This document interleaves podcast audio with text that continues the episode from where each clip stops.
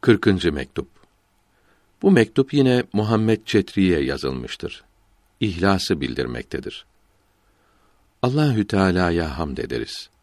Onun peygamberine sallallahu aleyhi ve sellem dua ve selam ederiz.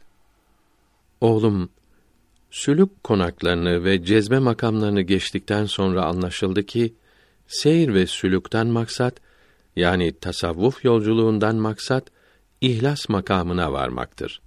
İhlas makamına kavuşabilmek için enfüsi ve afaki mabutlara tapınmaktan kurtulmak lazımdır. İhlas İslamiyetin üç kısmından birisidir.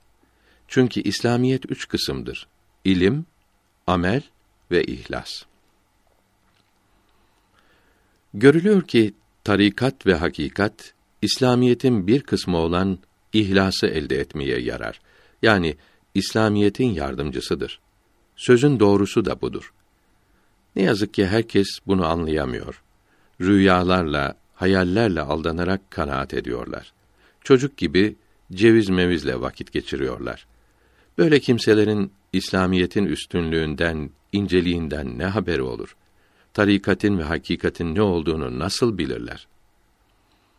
İslamiyeti cevizin kabuğu gibi bir örtü sanıp cevizin özü tarikattir, hakikattir derler.